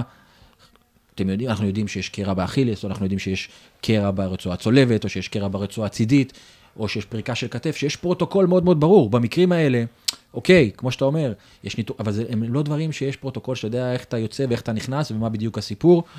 גם בשרירי בטן עובדתית זה ניתוח שחזר על עצמו פעמיים. אה, הקרסול הימני שלי, שהוא גם כן סבלתי ממנו, ניזוק בעקבות גם הגלונד הזה וגם הניתוחים שגרמו לו לנזקים ב- ב- וכן, בסוף אה, איכשהו, תחת. כל המוגבלויות האלה, פתחתי בגיל 27, בפרק ב' בקריירה, שהוא שח... שאני שחקן אחר, שאני בגוף אחר, שאני בעמדה אחרת. גם בחרתי במספר על הגב אחר, לא סתם, כי כאילו, אמרתי, בוא תנסה רגע להיות שש, כאילו, כן? כאילו, תהיה, אל תהיה שתיים, אל תהיה עשר, תהיה רגע שש, תהיה רגע משהו יציב. כן. תה... לכל היה משמעות אצלי, כאילו. תהיה רגע משהו רצוף, כאילו, וזה עבד לי בסוף. מה שינית בסגנון משחק שלך? הייתי פחות הרפתקן, הייתי פחות יורד לקרקע, הייתי מכניס את עצמי לפחות uh, סיטואציות מורכבות, שידעתי שאני לא יוצא מהם טוב. איכשהו ידעתי לנהל את המשחק שלי, זה, זה, זה גם נבנה, זה לא קרה בגיל 27 בקאט, זה היה 27 עד 29, זה היה שנתיים כאלה שגם סבלתי המון מ- מתחלופות של מאמנים במכבי תל אביב, ומלא בלאגן, ומלא, אתה יודע, תיקים שהפילו עליי, ולא הייתי ערוך להם עדיין, לא ברמה הפיזית ולא בזה. בגיל 29, פתאום שהגיע הצוות הזר, ויצאנו בזמנו ל- ל- ל- ל- למסעות כאלה ואחרים, גם באירופה וגם בארץ. הצלחתי איכשהו למקסם את הקריירה הזאת, את הפרק ב' שלה עד המקסימום. אבל אתם מכירים רק את החלק הזה, את החלק הראשון אתם פחות מכירים. נכון, פחות, נכון, פחות, נכון. פחות. זה- אנשים זה- בכלל פחות... אה, נכון. הנה, זה- לראיה, הגדרת את, ה, את, ה, את, ה, את, ה, את הפיק שלי למעשה במכבי תל אביב, וזה לא נכון. פיק, פיק ויקיפדיה, פחות אה, זה. כן, אז אה, ויקיפדיה, אתה יודע, כן, אבל זה מעניין, אתה יודע, זה יש גם שאלה, הרבה שאלה של ביצה או תרנגולת, מה קודם למה, ב- בתור אה, אה, אה, סיבה להצלחה, בסוף, אני מדבר, זה, זה שאתה מתאר פה מצב שפתאום היו רצף של שנים טובות מבחינה רפואית, אז מה קודם למה? האם השינוי אה, בצורת המשחק אה, אה, היא זו שמנעה את הפציעות הבאות, או שהשינויים בגוף שחייבו את השינוי בצורת, ה... הם כפו את השינוי בצורת המשחק, זה קשה לדעת. קשה לנו את השאלה כן, לדעתי. אבל, אה, אבל אה, כאילו, אה, יש דבר שגם אפיין אותך כשחקן, זה היכולת להשתנות, והיכולת להתאים, והיכולת, הקצת late bloomer באיזשהו מקום. גם אני זוכר, מאמן זר היה מגיע, בשבועות הראשונים, הוא, אה, הרבה פעמים היית סובל מתחלופת מאמנים, אבל אחרי כמה שבועות, או חודש, חודשיים, פתאום היית הופך להיות הבורג הכי חשוב בזה, אני מכיר שחקנים הפוכים, שהיו בש, בשבועות הראשונים של מאמן חדש, מקבלים את, כאילו, היה, המאמנים היו נדלקים עליהם, נותנים להם מלא מלא מלא לשחק, ואז היו מתייאשים מהם. אתה תמיד היית ממש קצת הפוך. זאת אומרת, אה, בהתחלה שמגיע מאמן, הוא לא היה, לא היה רואה בך את השחקן או מי שאתה באמת, ועם הזמן לומד. ככה זה היה הרושם שלי, אולי זה אני גם טועה. מוריד ממך אולי גם לחץ, דבר כזה. ואני לא אשכח את, המס... את אה, נאום המסצ'רנו אה, של פאקו לפני הגמר גביע 6-2 אה, מול הפועל באר שבע. כן. אה, האמת שאמרת פה כל כך הרבה דברים שזרקו אותי לכל כך כן, הרבה זה- כיוונים. גם אתה אמרת פה הרבה דברים. נכון. אני זוכר אה, זה, אתה יודע, אני זוכר שהיה לנו איזה גל של אה, כאבי עקב ב- ב- במכבי, ואתה הפנית אותנו, תבדקו את הנעליים, תבדקו אם לכל השחקנים שיש להם את זה, אם כולם לובשים אדידס או משהו כזה. ועכשיו אני גם יותר מבין מאיפה זה בא, הדבר הזה. אם אני לא טועה... ואפילו עלינו על קטע כזה, שזה היה, אני לא זוכר אם, אם זה היה אדידס, לא, לא רוצה להגיד, לא היה אדידס. שלא אבל- יתבעו אותנו. לא, לא, לא, נכון. לא, אה, נכון. בכנות אני אומר, אבל היה. איזשהו שינוי דגם של איזושהי נעל, ש, שרוב השחקנים... אני לא אה, חושב שזה, באמת אני אומר, היה לי שיתוף פעולה נהדר עם אדידס, בלי קשר. אני חושב שזה היה שינוי של נעליים, שבאתי ואמרתי לך, כן, כן, תשימו כן. לב. מי שינה נעליים, איך זה שינה קורה גם נעליים, בנייק, זה קורה טיימינג. בהכל. כן, זה, זה דברים שיש להם אה, משמעויות שאחר כך מתגלות כאכזריות. נכון. אני משוכנע שאם לא הייתי דגם- עקשן, אם לא הייתי עקשן כאילו, או נלהב, או לא יודע איך תקרא לזה, לא הייתי נכנס לשם כאילו. כן. המון המון המון פציעות, אני רוצה גם לעשות סדר קצת, המון פציעות של עומס, וזה יכול להיות אה, אה, תלוי בנעליים, שינוי של סוג הנעלה, זה יכול להיות שינוי של סוג מגרש, זה יכול להיות שינוי של... תפקיד. של, ת, תפקיד, זה יכול להיות שינוי של מאמן שעובד על שטחים גדולים או שטחים קטנים. נכון. זה יכול להיות מיליון ואחת דברים, צריך לחקור ולהבין מה הגורם שהביא אותך לנקודה הזאת. צי רכבים חדש צי לקבוצה. רכבים חדש לקבוצה. לא צחוק, אמיתי. אה, פתאום כולם מקבלים רכב מסוג מסוים, והרכב הזה עושה לכולם, אה, להרבה אנשים צרות. הרבה פעמים היינו מרגישים כאילו יש איזה וירוס בחדר הלבשה, שכולם נדבקים בווירוס ירך, או משהו כזה. ולפעמים יש לזה דברים... אה, סתם אה, שאלה ככה, זו שאלה ענקית, אבל בקטנה אם יש לך, כי אנחנו כבר, נכון, אנחנו די ארוכים כן, כן. בזמנים, אבל אה, צוותים רפואיים בחו"ל, גרמניה, ספרד, איך התרשמת? מה, מה חשבת?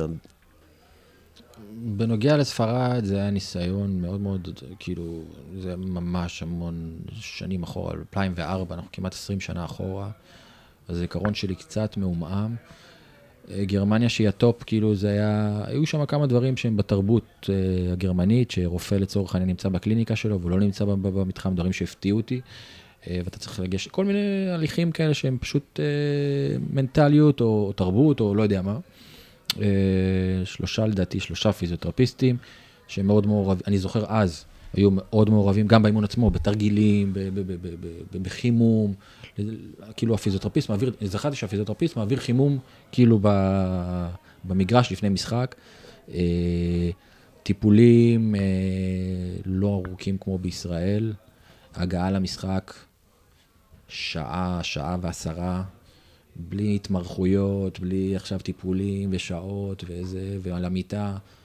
באים חבישות, מישהו צריך חימום קטן, טק, טק, טק, טק, ויוצאים החוצה, מה שגם כן אני מאוד מאוד זוכר בבירור, והפתיע אותי. הייתי רגיל לבוא שעתיים לפני, ושעה וחצי לפני, ו- ו- וטיפולים, וחבישות, ועד שכולם יוצאים, ועד שכולם מוכנים. כאילו שם, בום, מגיעים, מתארגנים, יוצאים. אה, מה עוד זכור לי שמה? זהו, זהו, זה בגדול הדברים המאוד מאוד מהותיים שאני זוכר. אה, וגם מכ- מכון שיקומי שלמעשה היה בתוך המבנה, זה, אני לא יודע אם זה קיים בכל גרמניה, אבל במועדון הספציפי הזה שקיים אה, מכון שיקום פרטי שמשתף פעולה עם הקבוצה בתוך האיצטדיון, שברגע שיש איזושהי פציעה ארוכה, אתה נפלט למעשה מסגל הקבוצה ומעבירים אותך למחלקה למעלה, שיש שם צוות שהוא כאילו לחלוטין אה, מופרד מהקבוצה. יש שם Cybex, ויש שם בריכות, ויש שם כל מה שצריך, והם מטפלים בך עד שאתה חוזר. לנקודת זמן כלשהי, שאתה מסוגל לעבוד בחזרה על הדשא נניח, או משהו מהסוג הזה. כאילו, אני זוכר שהפרדות, כל מיני דברים שלא נתקלתי בהם קודם, וגם לא נתקלתי בהם אחרי. כן. אוקיי, עוד שאלה אה, גם גדולה, אבל אם אתה יכול לענות עליה בקצרה. אתה היום, נגיד, מגיע למועדון חדש כמנהל מקצועי, ואתה רוצה עכשיו לטפל במחלקה הרפואית. לייצר לך מחלקה רפואית טובה, מה, מה הדברים שאתה תחפש, תייצר, ת, ת, מה לדעתך הדברים החשובים בהקשר הזה? קודם כל, כשאני מגייס אנשים בכלל, אני, אני- הדבר הראשון שאני מחפש זה תשוקה, כאילו אנשים שיש להם תשוקה לעזור, תשוקה להצליח, תשוקה להתקדם, תשוקה להשפיע, תשוקה, כאילו זה, זה מה שאני מחפש, זה הבסיס שלי כאילו בכל, אה, בכל איש מקצוע אותו אני או אנחנו כמערכת מגייסים. אה, כמובן שאחרי התשוקה הזאת, כמובן צריכים לבוא גם כלים אה, של אה, גם כישרון וגם ניסיון וגם הרבה מאוד דברים אחרים. אבל בגדול זה מה שאני מחפש, אני מחפש גם אנשים שיהיו מאוד מאוד מחויבים, שאני מבין שיש להם גם חיים אישיים וגם משפחות, אבל להבין שהדבר הזה הוא מאוד תובעני, ואם הם בכלל רוצים להיות חלק מהדבר הזה, מי כמוכם יודע. בטח ובטח אחרי שילדים מצטרפים למשפחה, עד כמה זה תובעני הדבר הזה, שפעם אתה כאילו נוסע למשחק בחוץ לשלושה ימים, ופעם המשחק בשבת בסכנין, ואתה יוצא מהבוקר, ואתה לא רואה את הילדים, ופעם משנים לך את האימון מהבוקר לערב, ומהערב לבוקר. לא כל אחד בנוי לזה. איזה טיפ היית נותן לשחקן צעיר שככה שומע, שומע אותך ו, ופצוע שם בבית, סוחב פציעה, או פצוע אחרי ניתוח, או משהו בסגנון הזה? משהו, משהו שאול.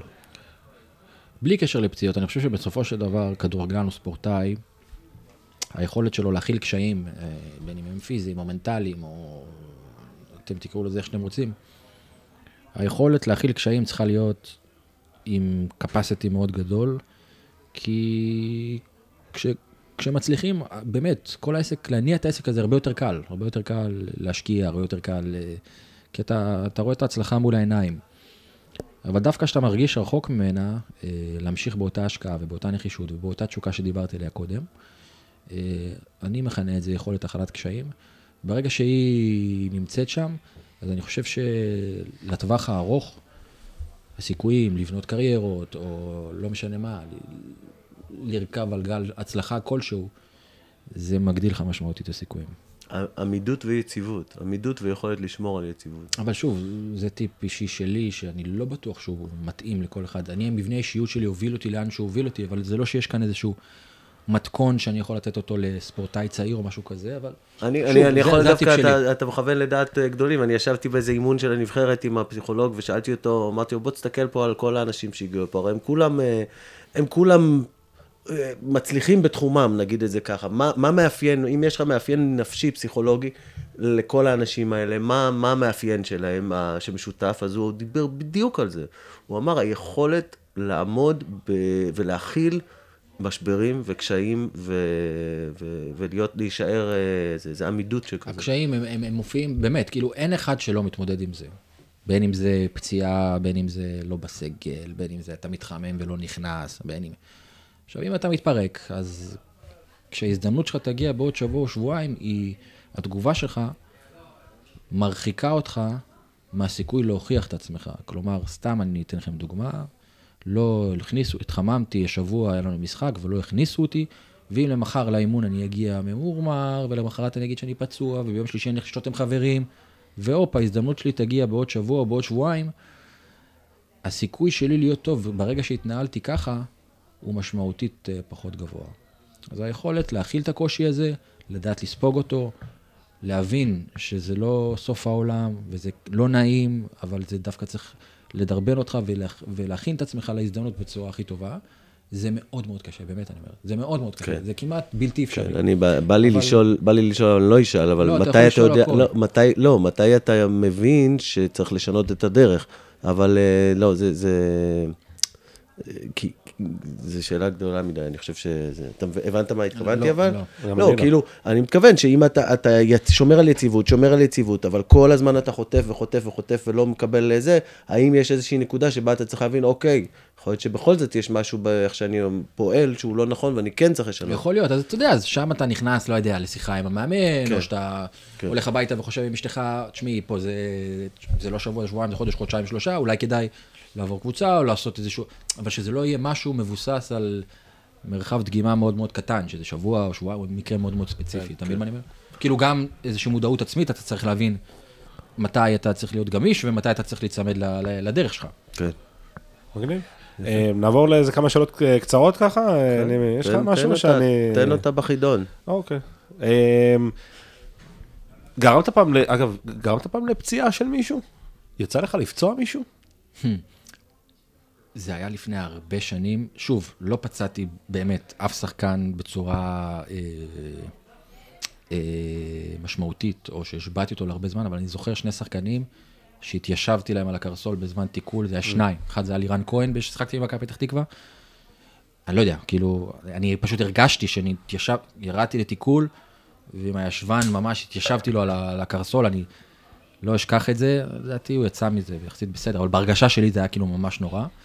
ועוד פעם, לדעתי היה לי עם דוד סולארי, אחרי שהוא חזר מהצולבת שלו בקריית שמונה, שיחק באשדוד, גם כן בתיקול כאילו, לדעתי, גם כן, שוב, ירדתי לקרקע והתיישבתי עליו, לדעתי, סיבבתי לו את הברך, ובגלל שהוא עבר איזושהי פציעה מאוד מאוד ארוכה, מאוד מאוד מאוד מאוד חששתי. אם אני זוכר נכון, לדעתי גם, גם מזה הוא יצא. זה, זה מדהים כאילו שאני זוכר את שני המקרים האלה, שלדעתי הם לא באמת היו חמורים. מה הפציעה הכי חמורה שיצא לך לראות? או לראות אה, שיקום שלה או משהו? וואו, זה? קשה, אתם יודעים, זה 20 שנה שקריירה... אה, אה, שוב, דיברתם על בוזגלו, אז זרקתם אותי ככה לפציעה האחרונה שלו במכבי חיפה. אתם זוכרים את הפציעה שלו כן, במכבי מכבי כן, חיפה כן, בבאר דיברנו שבע? עם תומר כן, על זה. כן, כן. אז אני זוכר שהיינו בבעיטת פתיחה, הכדור הלך אליי, הוא ידע שהכדור הולך אליי, הוא היה בקו ימין, והוא אמר לי, שחק אליי ארוך, אני חייב להיכנס טוב למשחק. אני לא יודע אם אתם יודעים, הפציעה שלו הייתה בכדור פתיחה. בפ- מסרו כן, לי, בפינה נתתי לו. כדור ארוך, הכדור הלך רחוק מדי. ליד הקרן כזה. הוא רץ כאילו להשיג אותו בקרן, עשה שם איזה, אני לא יודע, לא, לא ראיתי את זה כל כך מאז, היה שם איזה טוויסט, כאילו של הברך כנראה, אז כן פצעת שחקן. והוא שיחק, אה, הוא שיחק אה, רבע שעה, 20 דקות, ואז התיישב פתאום, ואני הראשון שניגשתי אליו. הוא לא היה איתנו, כאילו, מאוד חששתי שם שיש שם באמת משהו רציני. אז זה, זה הדבר הראשון שעולה לי, אבל שוב, זה לא סקירה של 20 שנה של קריירה, זה קשה. כן. אה. הג- הגלי- אתה יודע מה, אנחנו הרבה פעמים שואלים מה הגול הכי, לא הגול הכי יפה, אלא מה ההצלה הכי יפה שלקחו לך, אבל דווקא במקרה שלך, אם אתה כבר על הקרקע, אז אני אתפוס אותך שם, מה הגליץ' הכי חשוב שאתה וואו, זוכר? לא, לא, לא, לא, הרבה, יודע? באמת, באמת שהיו הרבה. אחד הגליצ'ים החשובים, הטובים, הפאול, זה משהו כזה, לא זוכר. לא זוכר לא? זוכר, לא. רציתי לשאול מה המשחק ש- שאתה מגדיר כמשחק הכי טוב שלך, או המשחק הכי... קשה להגדיר קשה. משחק אחד ספציפי, אבל עונת 2007-2008, שהייתי שחקן העונה, באמת, הייתה כאילו עונה שהרגשתי שאני... אולי העונה היחידה בקריירה שכאילו דווקא הייתה אחרי שנתיים של בטן וגב וזה, אבל איכשהו הייתה שם איזושהי עונה שהייתה איזשהו סוג של אה, אה, התעלות אה, פיזית, רוחנית, לא יודע, להתחבר שם לאיזושהי עונה אחת ספציפית, שיכולתי לשחק כאילו שני משחקים רצוף בלי להרגיש. הייתי יורד לקרקע, שואב כדורים כאילו משחקנים כמו, זה היה באמת מטורף. זה התנקז לעונה, שהיא כאילו שם הייתה שיא, לאחריה נמכרתי לבורוסיה מיטשגלדבך לא סתם, ובסוף, אם אני צריך באמת לשים את היד על משהו שהוא היה, וואו, זה היה העונה הזאת. מי הפיזיותרפיסט הכי גרוע שהיה לך? אני לא ביקרתי אצלם הרבה, אתה יודע. הייתי באמת, הייתי באמת, אני רוצה להגדיר את עצמי גם כסוג של פיזיותרפיסט של עצמי קודם כל. נכון, נכון, נכון, לגמרי. מי הס- מי השחקן הכי מקצוען שעבדת איתו, שיצא לך לראות? אפילו בחו"ל אולי? אני, וואו, זה שוב, זה קשה, המון שחקנים, המון, אבל...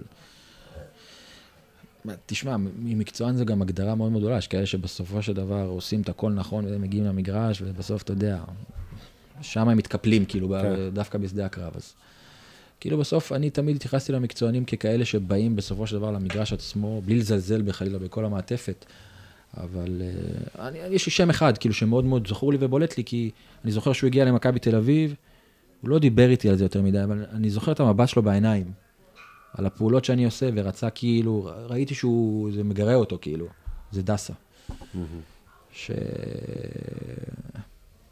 היה מסתכל עליי עם הגליל כזה, כאילו... את הסקרנות ואת ה- כן. כאילו, אז... את הרעב והסקרנות. אני- חושב שהוא היה... וואי, לא זה, יודע, זה שוב, גדול. בלי אלי הוא, לזכור את כולם. אלי הוא באמת, הוא כל דבר, הוא רואה והוא חוקר והוא זה, כן. והוא, מה שטוב לו הוא מאמץ. אני לא יודע אם אתה זוכר, עם הגליל הזה, כאילו, כן. הסתכלו עליי, כאילו, אני נפלתי. כן, כן, כן, נכון, עוד אתה- שם בפינה, כאילו, הם צוחקים, כאילו, נכון, כאילו, אתה נכון. זוכר? נכון. אז אה, אני זוכר שכאילו, לא זוכר אם הוא שאל אותי אבל הרגשתי ב vibe שיש שם משהו שהוא מאוד רוצה ללמוד, מאוד רוצה, כן. מוכן לעשות הכל כדי להתקדם ולהשתפר. ו... אז, אז שוב, לא סקרתי את כולם, אבל כן. זה, משהו שזכור לי. כן. עדות? אני לא יודע אם להגדיר את זה כאדות, אבל אתה יודע, לספורטאי יש... הוא נכנס לאיזשהו זון מסוים, אתם יודעים, צוחקים על נדל שהוא אה, מקפיץ את הכדור ומוציא את התחתונים מהתחת ולא דורך על הקווים. וכל מיני... זה איזשהו ריטואל שמכניס אותו לתוך ריכוז, אז גם לי היה סדר יום מאוד ברור. הייתי משתדל לאכול את אותם דברים, הייתי... יש דברים מצחיקים? לא מצחיקים, הייתי עושה מקלחות קרות, כאילו, במים הכי קרים שיש, כאילו, מהבוקר של המשחק, הייתי מתקלח בבוקר ומתקלח בצהריים, לפני שאני יוצא למשחק, במקלחת הכי קרה שיש, כדי להכין את הגוף למשהו מלחמתי, כאילו, לא למשהו נעים, כאילו, לא, לא יכולתי למצוא את עצמי לפני משחק, אה, מתקלח באיזה מים חמים, כזה, אתה יודע, באיזה מקלחת עדים כזה, לא, אמרתי, תכין את עצמך לאיזשהו אירוע עכשיו, שים על עצמך מים, זה, לפעמים זה אירועים לא נעימים, כי שיחקנו נניח באיזה ניצן פטרסבורג, והמים הכי קרים ברוסיה הם לא בדיוק המים שזורמים פה בצינורות בקרלטון בתל אביב. זה היה כאילו, באמת, כאן נכנסתי, אמרתי, יאללה, שים את הכי קרים, ואז יצאנו גם לאפס מעלות, שזה היה פחות נעים. אני לא יודע, אתה יכול להגדיר את זה כעדה, אני לא יודע אם זה עדה, זה... מה העדה הכי מצחיקה שאתה זוכר? רגע, משחקן? והייתי מצחצח שיניים כאילו לפני המשחק, כדי שאני מרגיש שתהיה לי זרימת אוויר כאילו יותר, אה, יותר, אה, יותר טובה, זה לא היה עדה, ועליתי למגרש ברגל ימין אולי, אבל... לא יודע אם זה אפשר לקרוא לזה עדה. רגע, לצחצח. שיניים לפני משחק זה נשמע לך הגיוני? אם אתה כן, כבר לא- מת- מתכונן למלחמה, מי- אני לא אף פעם לא, כי זה לפני משהו, זה. כדי, כדי לשפר את ההרגשה שלך בנשימה, שלא אוקיי. תרגיש פתאום כאילו, לא יודע. כאילו, שיהיה לך זרימת אוויר חלקה בין בין הפה כמו ל... שערן לוי שם בושם. כן. בין- בין הפה לאף, לא, בהרגשה, כן, ש- כן. שיהיה לך הרגשה נעימה. יותר, יותר קולית כזאת, כאילו. אז מה העדה הכי מצחיקה שאתה זוכר? וואו, לא יודע, לא יודע, יש הרבה שחקנים מוז- מוזרים ששמים את הנעליים שלהם. מתחת לאיזה תיק ציוד, כאילו, ולא יודע, לא יודע, כל- אז כאילו ראיתי הכל מהכל, אני לא יודע. אנשים מועכים את הנעליים, כאילו, לא יודע, כל מיני דברים הזויים, לא יודע. כן. ובאמת נתקלתי בהכל, כאילו, זה, כאילו, לא יודע, משהו ספציפי, אבל דברים באמת, אה, באמת הזויים. יש לך עוד משהו, נימי? לא, לא, דווקא אני חושב שזה... אתה מרוצה? אתה אני כזה- מאוד מרוצה. אני- אני חושב שהיה פה המון, המון, המון... פעם אה, ראשונה שאני רואה אותך יושב ככה, נשען אחורה וכזה מבסוט, נכון. וואלה, הכל היה טוב. אה, כן, כי הרגשתי שנתת לנו פה המון, ואתה... אם אם בהתחלה, אם בשיחה לפני, התעורר איזה חשש שהוא לא ידע לבטא את עצמו, לא, לא, התבטא יפה. כן, חבל על הזמן, אני חושב שזה היה שיעור מאוד מאוד מאוד חשוב, והלוואי ואנשים ייקחו את זה וילמדו מפה כמה וכמה דברים. אני שוב אחזור ואגיד, אני תמיד היית בשבילי הדוגמה לאיזה שחקן הייתי רוצה כפיזיותרפיסט של קבוצה, שיהיה לי אחד שלא מגיע יותר מדי לטיפולים, וכשהוא מגיע אז הוא יודע, אז אני יודע שזה כי הוא באמת צריך, והוא עושה, לעצמי, עושה לי את כל הסינון של הזה. אני אני אגיד עוד משהו, אני אני מכיר את אה, גל משהו כמו שנתיים, כאילו, עבדתי איתו משהו כמו שנתיים וחצי, לא יותר מזה. אה, וגם לי הייתה את הדמות הזאת בראש, מה שאתה מתאר, ואני, אגב, לא חקרתי את ההיסטוריה הרפואית שלו יותר מדי, שהיא מסתבר עשירה מאוד. אה, ולהגיע למצב כזה שאתה יודע לטפל בעצמך ו- ולהגדיר את הכאב שלך כמו שצריך ולא להיבהל. אחרי כל מה שעברת, אגב, שהרבה פעמים זה יוצר דווקא את הדבר ההפוך, שעברת כל כך הרבה דברים, אתה נבהל מכל דבר. אה, מה שנקרא מי שנחווה ברותחין. אבל הוא עשה, הוא עשה את זה ממש יפה, אני אה, חושב ש... נכון, וגם הבטחתי לך אנליזה אה, קצרה. אני אעשה את זה אתה מאוד, רוצה אני להלאות אעשה את את זה ה- זה? מאוד מהר, מאוד מהר. תראה, תיארת מצב של הרבה בעיות במערכת הריאות בגיל צעיר, של דלקות ריאות ו- וכל מיני אירועים כאלה וכולי. הדבר הזה יכול לייצר איזשהו, בוא נגיד ככה, זה יכול לייצר איזשהו אה, נוקשות סביב אה, כלוב הצלעות. הדבר הזה, איזושהי נוקשות, ב, זה רקמה של פסיה שאנחנו מדברים עליה המון. אה, וידוע היום כבר שיש יחס, מערכת יחסים אה, מאוד מאוד הדוקה בין כלוב הצלעות לבין האגן. זאת אומרת, לצורך העניין, אנשים שכלוב הצלעות שלהם פתוח, אה, אה, זקוף ופתוח, בדרך כלל ילכו, יהיו עם אגן מגולגל לפנים, זאת אומרת טוסיק בחוץ. וההפך, אנשים עם כלוב צלעות סגור, יהיה להם אגן מגולגל לאחור וגב ישר. אה, הם, הם פשוט עובדים כמו שני גלגלי שיניים, אחד מול השני. ואני חושב שההיסטוריה הזאת, יכול להיות שעשתה איזשהו עניין לכלוב הצלעות שלך, מה שהשפיע על האגן, מה שכשהאגן מסובב לפנים, השרירי בטן נמצאים כבר מלכתחילה במנח לא תקין, וזה יצר את הדבר הזה, ואז כדי לפצות על זה, אה, הגוף מנסה לסובב את האגן, לצורך העניין, קצת לסובב את האגן לאחור, הסיבוב אגן לאחור שם איזשהו סטרס לא טוב על, ה, על החוליות שמייצר את הפריצת דיסק, ובסופו של דבר גם יכול להיות שמשהו שם, הפריצת דיסק הייתה לכיוון אחד, לצד מסוים, הקרנה, ל... לא. הייתה הקרנה לרגל מסוימת? לא. תגיד לי שכן, ותגיד לי שזה לצד של העקב, ואז אני אגיד לך שזה גם היה תרם לעקב. אתה לא זוכר, אבל זה מה שזה היה. זהו. בקיצור, אמ, איך היה לך לחזור לכל המקומות האלה? כן, תיארתי לעצמי שאני, בדרך לכאן, שאני אצטרך לפתוח באמת את, ה... את התיבה הזאת של הקריירה, ו... והיה נחמד להיזכר, וגם ברגעים הפחות נעימים. כי בסופו של דבר הם הובילו אותי לאן שבסופו של דבר אה, הגעתי בקריירה. כן. מדהים. ברוך השם, כן. קריירה. טוב, אז אה, המון המון תודה לגל אלברמן, אה, ששיתף אותנו. ואנחנו מסכמים את זה ככה. תעשו לנו, איך זה נקרא? follow, follow באינסטגרם. כן, לא, אנחנו, ובא, אנחנו, אנחנו באמת מקווים שנהנתם, ואנחנו מקווים ש, שמי שלמדתם את זה, ומזה משהו, ואם אתם מכירים אנשים שהם uh, סובלים מדברים דומים, או בכלל עוברים איזושהי תקופה לא טובה רפואית, אז uh, תשלחו להם את הפרק הזה, שישמעו, שילמדו, שיראו איזה דברים טובים גם יכולים לצאת ממשברים כאלה, וכמה אפשר להתפתח מהנקודות הנמוכות האלה שנמצאים בהם. אמ, אה, תנו לנו תגובות, תגידו לנו מה אתם חושבים, האם אתם, אה, את מי הייתם רוצים לשמוע, איזה שאלות, איזה נושאים הייתם רוצים שנתעמק בהם, איזה פציעות הייתם רוצים שנחפש שחקנים שעברו פציעות כאלה ואחרות. תנו לנו תגובות אולי ברשתות האלה, בספוטיפיי, באפל פודקאסט, גוגל פודקאסט, תנו לנו דירוגים, מה שזה לא יהיה, כדי שהדברים האלה גם יוכלו להגיע למקומות יותר, אה, ליותר, לקהל יותר רחב. אה, תמשיכו, אבל זה אחלה, יש אה, אחלה קהל, אה, יש אחלה קהל כזה. אתה נמרוד מלר? אתה יותם פרי, וזהו, נתראה בפרק הבא. תודה רבה.